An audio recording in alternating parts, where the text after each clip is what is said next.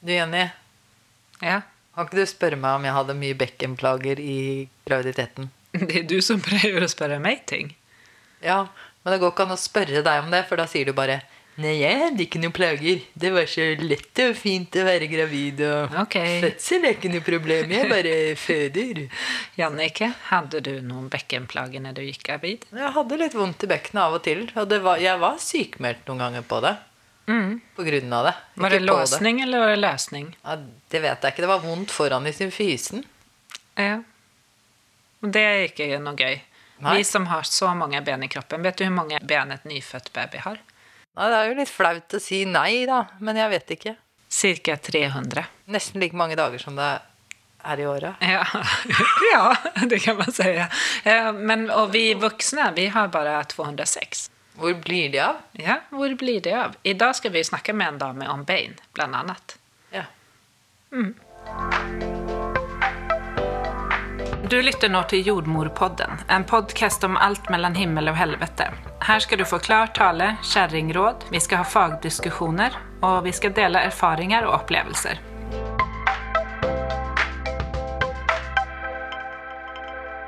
Ja, Jenny, i dag så tar vi opp en episode om bekkenplager. Ja, Og det er jo egentlig ikke et felt vi kan sånn veldig mye om, men det er vel en 15-20% av alle gravide som eh, er innom og kjenner på bekkenplager. Og det som er viktig for oss med denne episoden, er at alle dere skal bli hørt og vite at vi tar dere på alvor med de plagene dere kommer til eh, med oss om dette her. Og med oss i dag for å gi litt eh, tips og råd eh, hvordan man kan eh, kanskje forebygge eller behandle eller kanskje bli kvitt de bekkenplagene man har på best mulig måte, eh, har vi Ann-Kristin Homdrum. Hvem er Hallo, Ann-Kristin, er du med oss? Hei, ja, jeg er med. Ja. Eh, Hvem, vi tenkte at du kanskje er lettere om du presenterer deg selv, Ann-Kristin. Ja, takk. Eh, mitt navn er Ann-Kristin Homdrum, og jeg er kiropraktor. Og har spesialisert meg i barne- og ungdomskiropraktikk. Jeg ser òg veldig mye gravide kvinner. Eh, jeg er òg en av gründerne bak Bibi Hug Me-puten. Og, ja, og den vet jo alle dere som lytter på oss at vi er veldig glade i. Ja. takk for det. Ja. Så du, du, har jo, du kan mye om det eh, med bekkensmerter, men har du hatt det selv? Nei, jeg har vært veldig eh, heldig, fordi eh, nå er jo jeg gift med en kiropraktor, så det har sine fordeler. så jeg har hatt svært lite bekkensmerter, men har jeg kjent på det, som man ofte gjør gjerne i løpet av et liv, så rydder jeg opp i det med en gang og tar det før at det gjerne blir vondt. Ja, Og så Det var jo litt av, av grunnen til at vi utvikla Bibi Høgmi. Sant? Vi er jo tre norske kvinnelige kiropraktorer som har utvikla Bibi Høgmi. Og det er jo Hilde, Elisabeth og meg sjøl. Og vi alle er kiropraktorer som jobber da spesielt med barn og gravide. Mm. Så vi har jo alle en stor lidenskap og kanskje òg en god del kunnskap om hva som skal til for å få et best mulig svangerskap. Så det har jo hjulpet meg masse sjøl, så jeg har gått gjennom tre men vi alle tre har jo barn og gått gjennom svangerskap, eh, så vi har jo kunnskapen derfra i tillegg. Har du, var du gravid eh, Med første, faktisk. Ja, ok. Ja, Så du begynte allerede da? ja, ja. ja. og vår filosofi er jo et godt svangerskap. eh, Det vil jo gi en god start på livet til barnet. Mm. Så det er jo kjempeviktig. Så gjennom vår praksis som kiropraktor så har vi jo møtt mange frustrerte og søvnløse kvinner sant, med både bekken- og ryggsmerter. Både under, men òg etter svangerskapet. Så, så vi fant ut at eh, vi ønska å utvikle et hjelpemiddel som kunne gi gravide og nybakte mødre den, den riktige og gode støtten. Sånn, En sånn avlastning som de kunne ha hjemme. For En ting er hva vi gjør på kontoret, men det også at de skulle ha på en måte et, et verktøy hjemme var viktig for oss. Så Det ble på en måte starten for Bibi Hugme. Ja, og, det tror jeg, og jeg tror at det du sier der er så viktig også, at ja, vi kan ha mye kunnskap og vi kan mye om faget, men når vi har egen erfaring i tillegg til noe av det vi snakker om, så er det lettere å forstå andre og komme med gode råd. Ja, det er så. Og den gravidputen har jo hatt en fantastisk mottakelse i Norge. Ja, men den er jo så fin. Det er jo, der, det Ja. er jo ikke rart, det. Tusen hjertelig. Det er jo faktisk én av fem førstegangsgravide som kjøper denne puta. Jeg har inntrykk av de som kommer på kontroll hos meg, nesten flere har den, rett og slett. Ja. Den er okay. veldig fin, og vi ser den jo, de tar den jo med seg på fødeavdelingen. Eh, De har den på barsel, vi ser den på barselbesøk, den er, og alle skryter av den. Ja, för det var ju, vi hadde jo en pappa som eh, kallade den Wall of China. Han var ikke så Han var ikke like fornøyd med den puten. Å nei! For den, forts den fortsatte å være i sengen selv etter babyen kom ut, og Ja. da kalte han den for Wall of China. ja. Det kan jeg skjønne. Ja. Der er, men det er jo mange menn òg som har brukt den, så det er jo koselig. Fordi han Ja. er jo god støtte uansett. ja vet du hva. Jeg har tenkt så mange ganger etter at jeg har blitt kjent med denne puten, at jeg har så lyst på en selv. Jeg Så jeg har lyst til å være med på vår egen giveaway. Ja, exakt. Vi får skrive oss opp nästa gang. Men Ja, eh, Ann-Kristin, hvorfor, hvorfor får man bekkenløsning? Det, det er jo at bekkenet består av tre ledd, og man, man vet vel ikke noen exakt årsak hvorfor det blir, men at det handler om hormoner som da løsner de ledd, leddene mellom bäckena. Har jeg rett. Mm, har jeg rätt? Du har rett, vet du. Eh, og så Et svangerskap det kan jo by på så mange utfordringer. sant? Magen vokser, og kroppen forandrer seg, og tyngdepunktet blir forflyttet, alt dette her. Um, og bekkenløsning kan for så vidt skje når som helst i svangerskapet. eh, men det, jeg opplever nok ofte at det skjer mellom tredje og fjerde måned. Mm. At eh, vi ser eh, flest komme inn kanskje med de type smertene framme i symfysen, eller Det kan òg være bak. Ja. Men løsningen i bekkenet må skje når man er gravid. ikke sant? For det er et helt nødvendighet for at, be at bekkenet skal bli fleksibelt nok til at barnet skal komme ut gjennom fødselskanalen. Mm. Så det skjer jo med alle, men at det skal være vondt, det er en helt annen sak. Og som du sier, Det består jo av tre ledd. sant? To iliosakralledd bak, og så ett framme. Mm. Og det er jo symfysen. Og det kan utvide seg fra 4 mm helt opp til 8 mm framme. Så det er klart det skjer jo en utvidelse her. Mm. Ja, og ju, ju tyngre man blir i kroppen, jo desto mer påfrestes jo de... Ja, det eh, belastes jo, ikke sant? ja. Er det derfor det er kanskje mellom tredje og fjerde måned da, at det begynner å komme, for da begynner vi å bli litt tyngre og bytte litt positur og bære, bære magen litt annerledes? Ja, ikke minst fordi at det da er det eh, mer tyngde. Mm. Eh, og så et, et bekk, altså be bekkenet beveger seg som en enhet. Ett ledd kan ikke bevege seg uavhengig av det andre. Og så er det jo masse leddbånd, og alt skal på en måte tilpasse seg eh, denne forandringen som skjer da. Og bekkenløsning i seg selv vil jo normalt sett ikke gi smerte. Nei. Men det er kun noen ytterst få som får vondt av selve løsningen. Og jeg tror det er sånn som dere nevnte i begynnelsen, at det er rundt 15 Mm. av de gravide i Norge som får en smertefull løsbekkenløsning. Mm. Men så er det jo en del studier som er gjort eh, om smerter i svangerskapet. Da er det faktisk over 50% av alle gravide som opplever enten korsrygg eller bekkensmerter. Så det er jo mange. Ja, det er mange. Så da er det ikke nødvendigvis løsningen som er problemet. ikke sant? Den, men hvis det er løsningen, som er svært sjelden, eh, da er jo årsaken svangerskapshormonet som relaksin, sant? som gjør at leddbåndene rundt bekkenet blir litt for elastiske eller for bevegelige. De slapper litt for mye av. Men bekkenlåsning, da? Det er så mange navn på disse bekkenplagene. Ja, heldigvis er smertene som regel helt ufarlige. Ja, Og de fleste viktig. responderer jo bra på kiropraktisk behandling. Ja, altså Kort forklart så ser vi jo enten at det er for mye leddbevegelse, som i bekkenløsning, eller for lite leddbevegelse, som i et låst eller stivt bekken. Ok. Mm. Så utover i svangerskapet så vil jo kroppen forandre seg i stor grad. sant? Med sveien og magen som vokser og vekta som øker. Og så vil jo magemusklene òg øke i lengde, sånn at de legger seg jo litt ut på sidene, og så, uh, som man kaller for diastase. Mm. Eh, men jeg vil si i klinikken så ser jeg ofte den der kombinasjonen mellom en løsning og låsning i bekkenet i graviditeten er mer vanlig. Mm. Ja, Så låsning er jo på en måte en, en nedsatt funksjon. Ja. Ja. Og hvorfor får man nedsatt funksjon i bekkenet? Det kan jo være en feilbelastning over tid. sant? Mm. Eh, sin egen vekt øker, vekten på foster og magen, stress, overvekt, inaktivitet. Alle disse tingene er jo viktige. Ja, exakt. Men om man, om man ser på risikofaktorer så är det ju, det i alla fall, jag vet i alla fall om man har- ryggsmärtor från förr så, så är man mer, eh, Mer utsatt, ja, ja. mer utsatt och också om man har ett jobb som är liksom fysiskt tungt. Och då tänker jag Ja, ja. må jo også være må også være en eh, risikofaktor Da. Ja, og stillesitting. sant? Man sitter kanskje litt feil i forhold til et voksende foster. Så det er mange ting der òg som er ganske viktige. Men, men det er jo fellesnevneren kanskje en stressord, eller stress. i en eller annen form. Det kan være fysisk stress det feil i form av som jeg sa, feil sittestilling, eller at man ikke trener nok. Eller, det kan være òg nye og gamle fall. Jeg har f.eks. hatt en del sånn håndballspillere. De, de, faller jo ofte gjerne på ei Ja. hofte mye. Mm. Hopper opp, faller på ei hofte. Og de, sant, de, de slår seg sjøl ikke skeive, men, men det blir, det blir en sånn asymmetri da, i måten de faller på.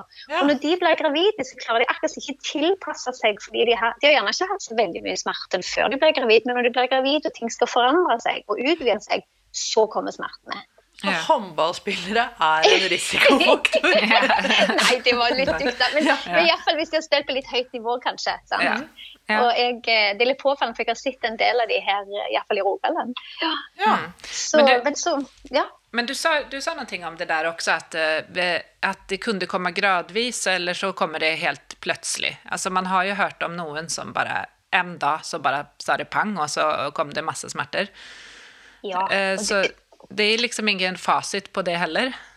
nei, det er ikke det. Og bekkensmerte kan oppstå plutselig. Men da er det jo gjerne ofte noe man har gjort litt akutt, som f.eks. Ja, ja, falt på ski eller sklidd ja, på en våt stein, eller ja, altså, trent eller belasta feil.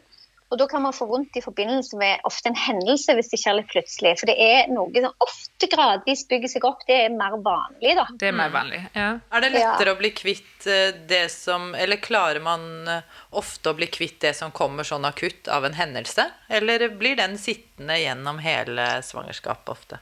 Nei, det er vel ofte lettere å bli kvitt. Lettere å behandle. For hvis det ikke har vart så lenge, så har du ikke fått så mye sånn kompensasjonsmønster i kroppen, og dermed er det ofte lettere å fikse òg.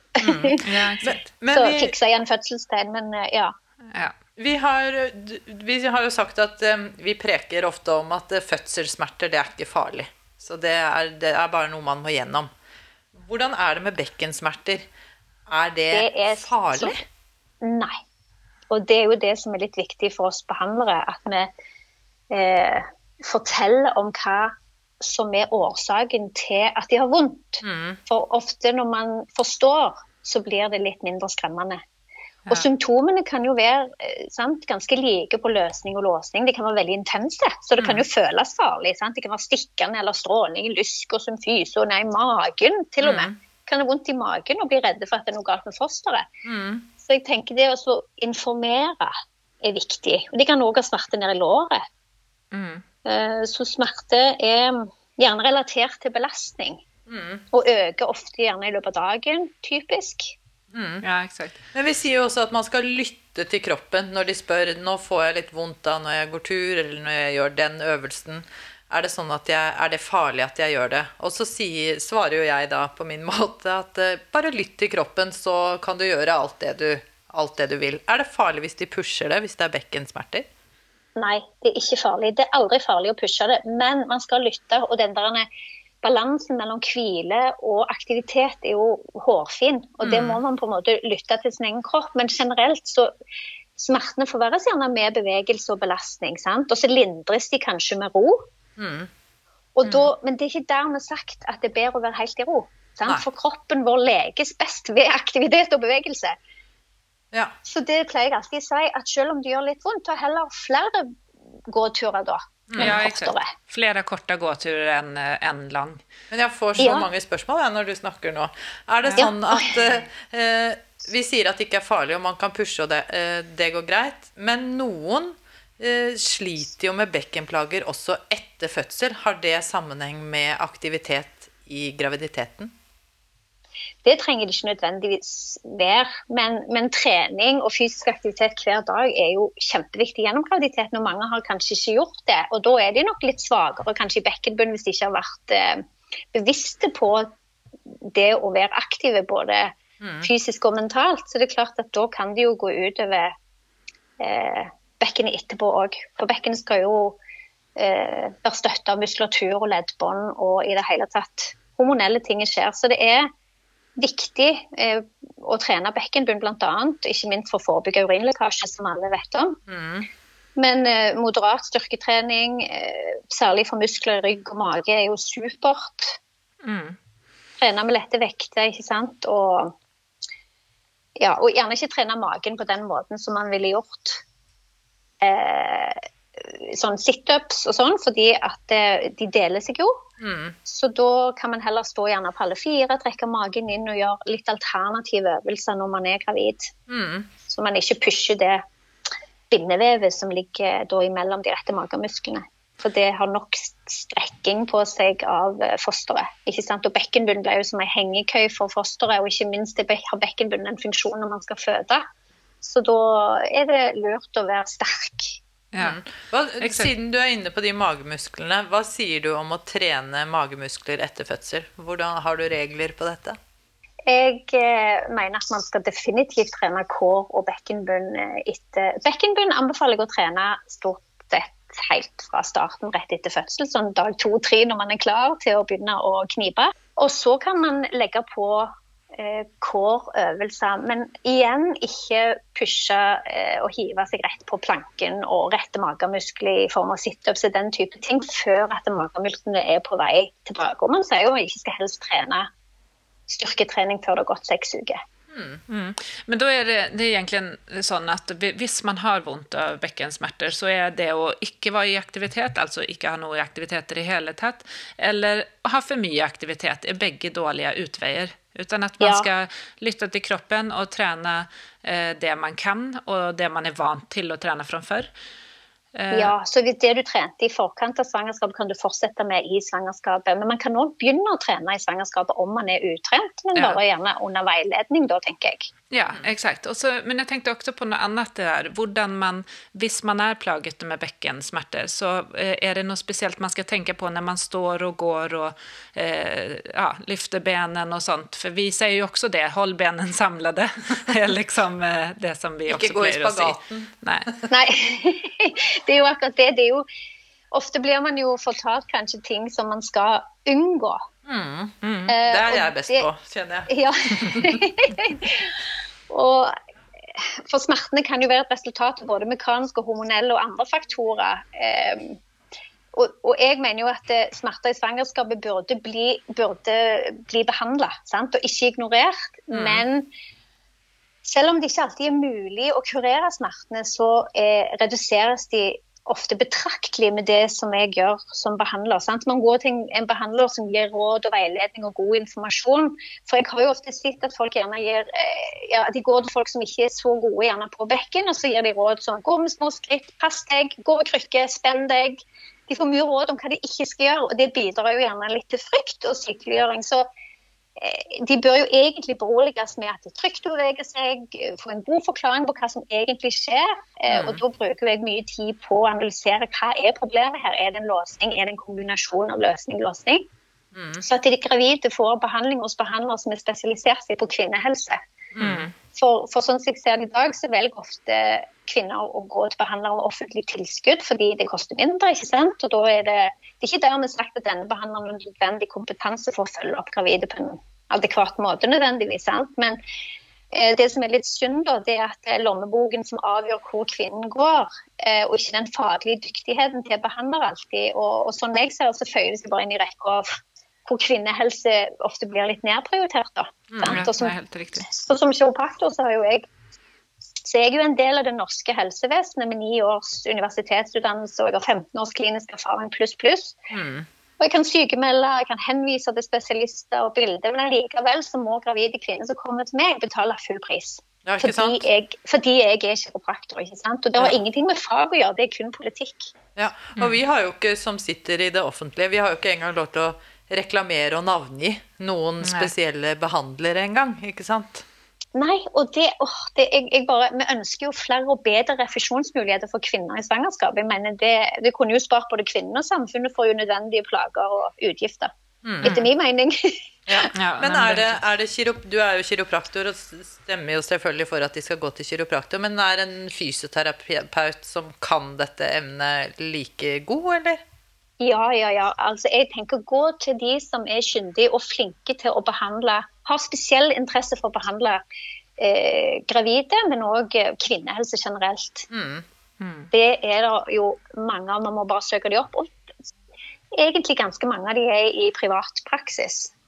Ja, exakt. Men nå når vi er inne på behandling og altså, hva, hva, man hjelpe, eh, hva man kan gjøre for å hjelpe seg selv, er det noen faktorer som påvirker prognosen? Altså, er det noe som man Til eksempel eh, har vi lest at man, eh, hvis man har vondt fra begge tre ledd, altså smerter fra alle tre ledd, er det vanskeligere å bli kvitt etter man har eh, født? Eller angst og depresjon? Det er litt interessant at det, det også kan være en faktor som påvirker prognose. Ja, altså utløsende altså prognosen du kan, jo, du kan jo ha spenninger og nedsatt funksjon i bekken og rygg før du ble gravid, sånn som vi snakket om i starten. og Da er jo prognosene litt dårligere, ikke sant? for da har man gjerne hatt over lang tid og masse problemer med, med ting som man har tillært seg som ikke nødvendigvis er bra for en. Mm. Eh, for eneste symptomet kan ha vært i forkant òg, at man har vært, hatt litt stivhet eller trøtthet, og ikke nødvendigvis smerte. Så kommer de endringene svangersk med svangerskapsendringene. Mm. Og Da kan det være utfordrende for noen og at de ikke er like tilpasningsdyktige når endringene kommer. Men ja, depresjon har jo vist seg òg, og det går jo som hånd i hanske, det med depresjon og angst for å bevege seg. Sant? Da får man jo bare mer vondt. Og så får man sånn fair avoidance, som vi sier på engelsk. Ja. Eh, at man blir for frykt for å bevege seg, og så gjør man ikke det. Og så er det bare sånn, ja Dessverre noen sirkel som man må prøve å bryte ut av. Ja. For som regel er det ikke farlig å bevege seg. Det er jo det vi er konstruert for. Ryggen vår, bekken vår er konstruert for bevegelse. Ja, exakt. Så det är så det blir... aktivitet. Och det är det som vi också ska prata lite med dig om, den där kombinationen av aktivitet och vila som du nämnde för. Eh, Bibi Hagme har ju utvecklat ett bäckenbälte. Eh, som, eh, kan det brukes til eh, noe forebygging eller eh, behandling av ja.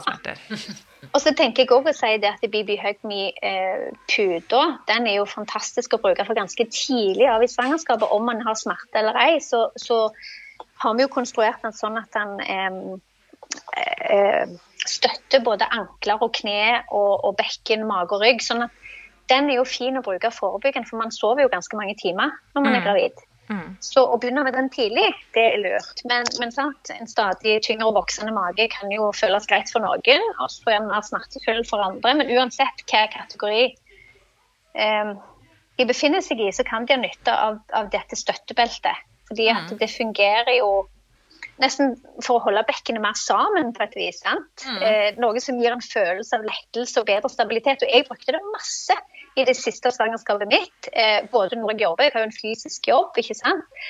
Eh, men så òg når jeg trente.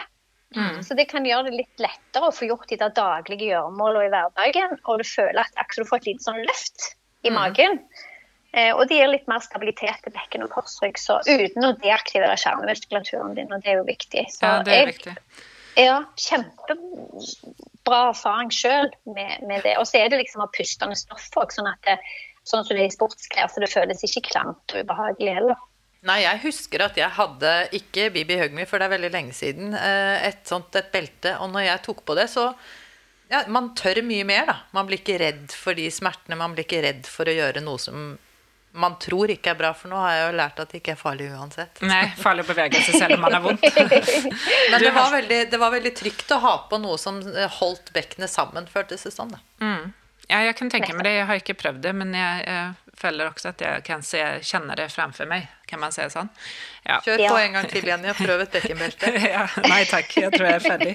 Men det, det, er viktig, det er viktig det der med, som du sier, med hverdagslivet. Liksom at man føler seg lettere, og at man tør mer. Da. For at når noen ting påvirker hverdagslivet, så blir det jo vanskeligere å være gravid. Ja, og så mm. gir det akkurat den, den lille ekstra støtten som du trenger for å fortsette. Mm. Og hvile, så... da. Hvile er jo også viktig. Så det er liksom det å få en god kombinasjon som man selv eh, føler eh, at man klarer å håndtere med de smertene man har. så, ja, for å komme seg jo... gjennom dagen. Ja, ikke sant. Sånn. I min kliniske erfaring så er det jo, viser jeg veldig eh, ofte eh, BB Hugme, hvordan de skal bruke den. Og, og, og, avlaste er jo kjempeviktig. Gode hvilestillinger. Mm. Eh, hvordan de skal sitte, hvordan de skal stå, gå. Den type ting gir jeg mye råd om. Mm. Eh, så det er liksom det å redusere engstelse, tenker mm. jeg, som er viktig for smerten. Mm. Mm. Og engstelse, det er noen uh, gravide som er veldig plaget med bekkenløsning som Nei, bekkenplager, skal jeg si nå. Bekkensmerter. Ja, en kombinasjon. Som, ja, ikke sant. Man, man, vet aldri Jeg vet jo aldri helt hva de har. Men, Nei, det skjønner jeg. Men eh, jeg kan si at det er bekken eh, Jeg vet at de har vondt, da. Jeg ser at de har plaget. Men de kan spørre meg om hva skjer når jeg går i fødsel, fordi jeg kan ikke stå eller sitte eller ligge sånn. Og når jeg skal føde, hvordan i all verden skal jeg få til det uten at det gjør helt vilt vondt? Vi, eh, vondt gjør det jo å føde uansett, men, eh, men eh, At det hemmer dem, at de har Ja, bekkenplager for da- i fødsel. Da blir det liksom en annen smerte som tar- tar over. Så det er ikke nødvendigvis sånn at eh, om du har vondt i bekkenet i svangerskapet, så får du en tøff fødsel. Eh, men jeg tenker jo at et velfungerende bekken gir jo flere valgmuligheter på en måte. sant? For både i svangerskap og ikke minst når man går inn i fødsel, så ønsker man jo å ha så optimal funksjon i bekkenet som overhodet mulig. Eh, det tenker jeg er jo fint uansett hvor man er i livet. Eh, og det, jeg tenkte jo kanskje at det ville hjelpe med å enklere innta flere fødestillinger, men dere er jo de som er best. Jeg er jo ikke i fødselen, så jeg ser jo ikke det. Men, men man kan gjerne bevege seg litt mer fritt i fødselen hvis man har en god eh, bekkenfunksjon. Ja. Men jeg har opplevd at folk har kommet på krykker inn i, til fødsel. Eh, kanskje i rullestol til og med. Og så Ja. Eh, sitter jeg aldri igjen med at Nå er det jo ikke jeg som skal sitte igjen med noen opplevelse, det er jo kvinnen. Men jeg sitter ikke igjen med at de eh, blir hemmet av smertene sine, fordi de havner i fødsel i stedet. Så bekkenplagene blir på en måte borte fordi de Det kan jo være som Ann-Kristin sier, at det er andre smerter som tar over. For det vet vi at det fungerer med distraksjon eller hva man sier, av smerter. Ja. Eh, Ja. Men en annen ting som jeg tenker litt på da, eh, sånn mekanisk, sånn som jeg tenker i mitt hode, så er det jo at hodet til babyen skal jo ut gjennom bekkenets åpning. Så man ønsker jo òg å ha en god bevegelse der, og en optimal bevegelse. sant? I tillegg så fester jo livmoren seg der til bekkenet via leddbånd, så, så hvis det er mye spenninger i bekkenet, og du ikke har full bevegelighet, så kan det igjen påvirke kanskje leddbåndet rundt livmora. Og så korsbeinet, det behandler jeg mye i, i praksis. Sant? Det der sakrum, eh, korsbeinet der så halebein òg henger på, på Ja. enden. Og, og det har jo en funksjon i fødsel. Sant? Det skjer jo nesten en litt sånn pumpemekanisme for å hjelpe babyen ned og ut gjennom fødselskanalen. Så, så da vil vi jo at det skal fungere bra.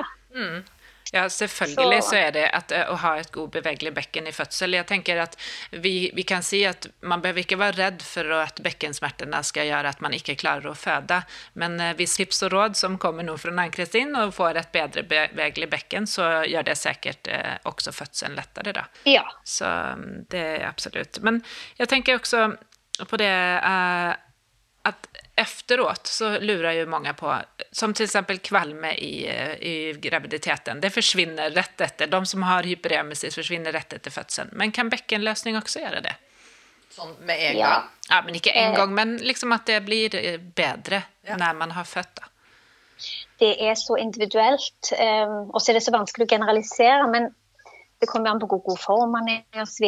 Mange ting som spiller inn på dette. Men noen, og noen ble jo faktisk verre etter en fødsel. Sant? Så det er jo superindividuelt. Men, men har man hatt en smertefri bekk, altså hvis det er løsningen under svangerskapet som har gjort at du har hatt vondt, så pleier det som regel gå over av seg sjøl etter noen uker. Mm. Um, ja, Men- og den, men- De første ukene tenker jeg etter i barseltid, altså i barseltid så vil jo kroppen naturlig jobbe med å gå tilbake til en sånn ikke-gravid tilstand. Ja. Men hvis man har da tilbakevendende bekkenplager som, som ikke går vekk, så kan det være at det er fortsatt delte magemuskler, eller at man har en sak i bekkenbunnen, eller at man fortsatt er litt låst i bekkenet. Så jeg anbefaler jo alle gravide å, å sjekke seg Nei, alle etterpå òg, hvis Ja. de har smerter, at de sjekker seg. Ja. Sier du at delte magemuskler kan gi bekkenplager etter fødsel? Hvis de har delte magemuskler over lengre tid, og de ikke på en måte kommer sammen igjen og får styrka de, for de henger jo også litt sammen med bekkenbunn, da er man ofte gjerne litt svak i bekkenbunn i tillegg, og da eh, gjør det at man blir eh, mer utsatt for bekkenplager etter, etterpå. Får mer svei, henger Ja. mer på ryggen, ikke sant, og mange ting hvis man ikke er sterk i kåren. Og, og så opplever jeg at, eh, at eh, de som ikke har hatt bekkenplager i graviditeten, og så kommer det da litt etter, og så tror de, altså etter fødsel, og så blir de så skuffa og overraska. Og så tror de at det kanskje er fordi de har begynt å gå og trille litt for mye på den vogna i oppoverbakke for tidlig. De tar på seg skylda, da, men eh, Ja. er det Kan de det? Nei, altså Når man ammer, så er det jo fortsatt hormoner som regjerer i kroppen, som gjør at man fortsatt er litt løsere i leddbånd osv. Så, videre. så det tar tid å stabilisere dette her. Pluss en annen ting er jo at det, jeg ser mange sitter med litt sånn dårlige ammestillinger. Sant? De sitter veldig sånn krumma framover og mister sveien i ryggen fordi at de henger over denne senga.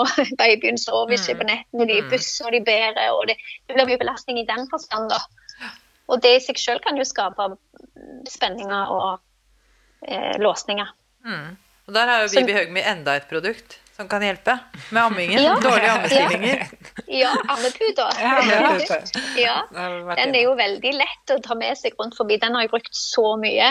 Nå, Siste gang jeg var eh, eller når jeg er gammel nå, så tar jeg den Jeg har ei oppi senga, jeg har ei i sofaen, jeg tar den med på hytta. Og så mannen min òg bruker den til og med når han f.eks. skal gi flasker hvis jeg er ute på noe. Så den, eh, den er så lett å ta med seg. Ja, den er veldig fin, altså. Men eh, for å eh, oppsummere litt og eh, avslutte, så tenker jeg at vi Det viktige som jeg sitter igjen med, det er den der kombinasjonen mellom aktivitet og hvile. At det kan dempe smertene. At man finner en hvilestilling som passer en selv. At man kanskje ikke kan hvile seg til smertefrihet, men man kan da tåle aktivitet bedre. Ja. Ja. Og at man eh, går og får hjelp og behandling hos noen som kan dette med kvinnehelse og bekken og bekkenbunn. eh, Så Ja. man får riktig hjelp og gode øvelser som man kan fortsette med i svangerskapet og etterpå. Veldig bra. Altså Trening i seg selv løser jo ikke alle problemer. ikke sant? Så går det noen som fysisk tar på deg og gjør en forandring. Så Når funksjonen er bedre, så kan man ofte trene og fungere i dagliglivet uten eh, så mye smerter. da. Kan jeg spørre om én ting til? Fordi det er jo noen ganger sånn at man Det er et ordtak som heter 'slutt å syte, begynn å yte'. Er det litt sånn at bekkenplager blir litt sånn og du bare bruker det som en unnskyldning? Får du pasienter som kommer og forteller deg at de er plaget med at andre har den oppfatningen av plagene deres? Ja, det er rart du skal spørre, fordi at eh, andre rundt bagatelliserer det litt. sant? Mm, det er det. Og jeg tenker man må ta kvinnen på alvor, for det er jo ingen som har lyst å være den som syter og ikke vil gå på jobb. og det er ingen som ønsker å være i den posisjonen, men det er en stor forandring å være gravid, så vi skal lytte til kvinnen, og jeg tenker ta, ta det på alvor. Ja, For eh, De griner sine bitre tårer mange ganger, for de føler ikke at de blir hørt og sett. Sant? For de sier gjerne at det er ikke noe sykdom å være gravid. ikke sant? Nei, det er nettopp det- det. Det også, jo bare jeg tenker å jag tänker att involvera partner litt i, Kanskje han, han eller hun kan bli med på behandlinger og få samme informasjon, så at de også kjenner at det er Reell plage. reell plage. Ja. Ja, enormt godt tips. Ja, veldig bra tips. Det er ikke alle som er like heldige som han Kristin, som har en som kan behandle hjemme. Nej, exakt. Nei, ikke sant? Nej, och så tenker jeg at man må liksom tenke på kanskje ikke ha så mye krav til seg selv, og at man eh, må forventningene som vi alltid prater om, Ja. eh, att de skal stå i stil til det man klarer. Da. At man må selv sette grenser. Mm. Ja, og være klar på det. Det er så viktig at man ikke pusher, og pusher, pusher på jobb, f.eks. Når man har mye smerter, så er det viktig å ta det alvorlig. Ja. Ja. Og det er lov til å lytte. Man er ikke gravid så veldig ofte. Og man, får ikke, man kan ikke ta vare på babyen sin hvis man ikke kan ta vare på seg selv. Man må ta seg selv først. Og heldigvis er det mange arbeidsplasser også som tilrettelegger i dag. Men alle, det har jeg tenkt litt på. Tenk at alle arbeidsplasser som hadde mye kvinner i arbeid i i BB Hugme og en sånn der en eh, hvilebenk. Ja. Så de kunne ta seg sånn siesta fem minutter her og fem minutter der med god hvilestilling. Det hadde vært fantastisk. Et mål. Det er et mål, ja. ja. Ja, det er det. Så för att, till de gravide kvinnene så sier vi bare at uh, man skal tenke igjennom hva man vil bruke kreftene til i løpet av dagen. Men at man ikke skal bli stillesittende. At man sätter av tid til sån, jag vet inte, egenpleje, Hva kaller kallar det, egenomsorg. Egen tid. Og få litt ja. gode opplevelser i dagen, for det tror jeg også gjør at man opplever det bedre. da. At man eh, Ja. opplever mer mestring og livskvalitet. Og så kan vi si at hvis man bruker den Bibi Hugme-puta, gravidputa, Og tidlig så- og så senere bekkenbelte. Men kanskje man, hvis man begynner tidlig med puta, så trenger man jo ikke belte. Hva sier du om det, Kristin? Det kan være. Men det gir en god støtte til magen. For når magen blir stor, så er av og til man har lyst på det der lille løftet når man går og gjør ting. sant? Man kan ikke gå rundt med babyhug Det er bedre også kanskje ha Så da er beltet litt bedre Ja. i, i, når man er aktiv, da. Ja, det er fint.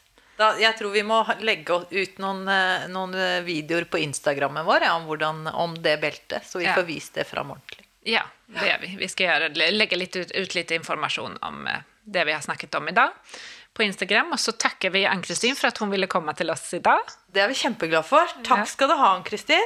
Ja, tusen takk for at jeg fikk komme. Veldig bra at du delte alt, og lærte oss alt det nye Ja. som eh, du lærte oss. Absolutt. Fint, da. Ha det. Veldig kjekt. Ha det. Ha det. Ha det.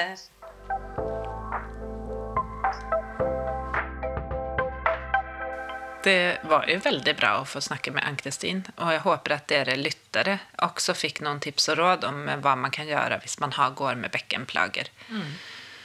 Hva tenker du er det største rådet? Det er jo ikke alle som er gift med en kiropraktor. Nei, det er ikke alle som får like god hjelp som Ann-Kristin gjorde i sine svangerskap. Nei. Eh, Det er vel å gå og søke råd og hjelp hos noen som kan noe om det, tenker jeg. Mm, Ja. det er det. En som er ekspert på svangerskap, graviditet. Kvinne, helse, bekken. Ja, bekken. absolutt. Men jeg tenker at hvis dere sitter igjen med noen spørsmål eller eh, noen innspill, noe dere har lyst til å si oss, noe dere vil vi skal snakke mer om, så blir vi jo kjempeglade for eh, at dere tar kontakt på Instagram eller på mailen vår, Jannik at jordmorpodden.no. Mm. Og også om det er noen som har veldig bekkenplager eller hatt noe som har vært eh, vanskelig med smerter og sånn, og, og vil fortelle en historie om det, så får de gjerne komme som gjest hos oss. Ja. ja. Velkommen og ha det bra, da. Ja, det syns jeg var en bra avslutning.